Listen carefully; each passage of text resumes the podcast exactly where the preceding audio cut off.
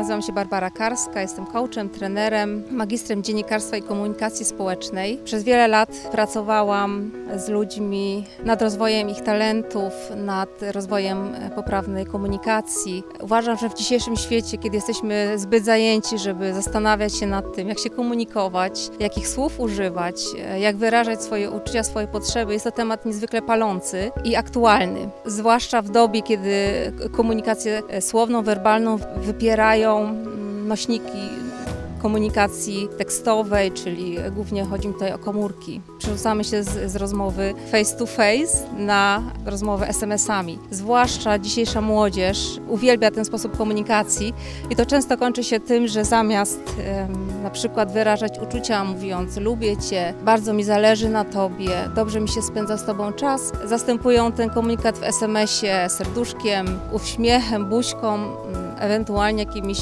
przytulonymi misiami. To jest taka pewna cecha naszych czasów, która e, też powoduje, że widzę coraz większą potrzebę już właśnie wśród młodzieży, zwłaszcza wśród młodzieży, oczywiście też wśród dorosłych rodziców, naukę, czyli takie kształcenie się w kierunku tego, jak, jak dobrze się komunikować, żeby siebie nie ranić, żeby było mniej wulgaryzmów, mniej agresji.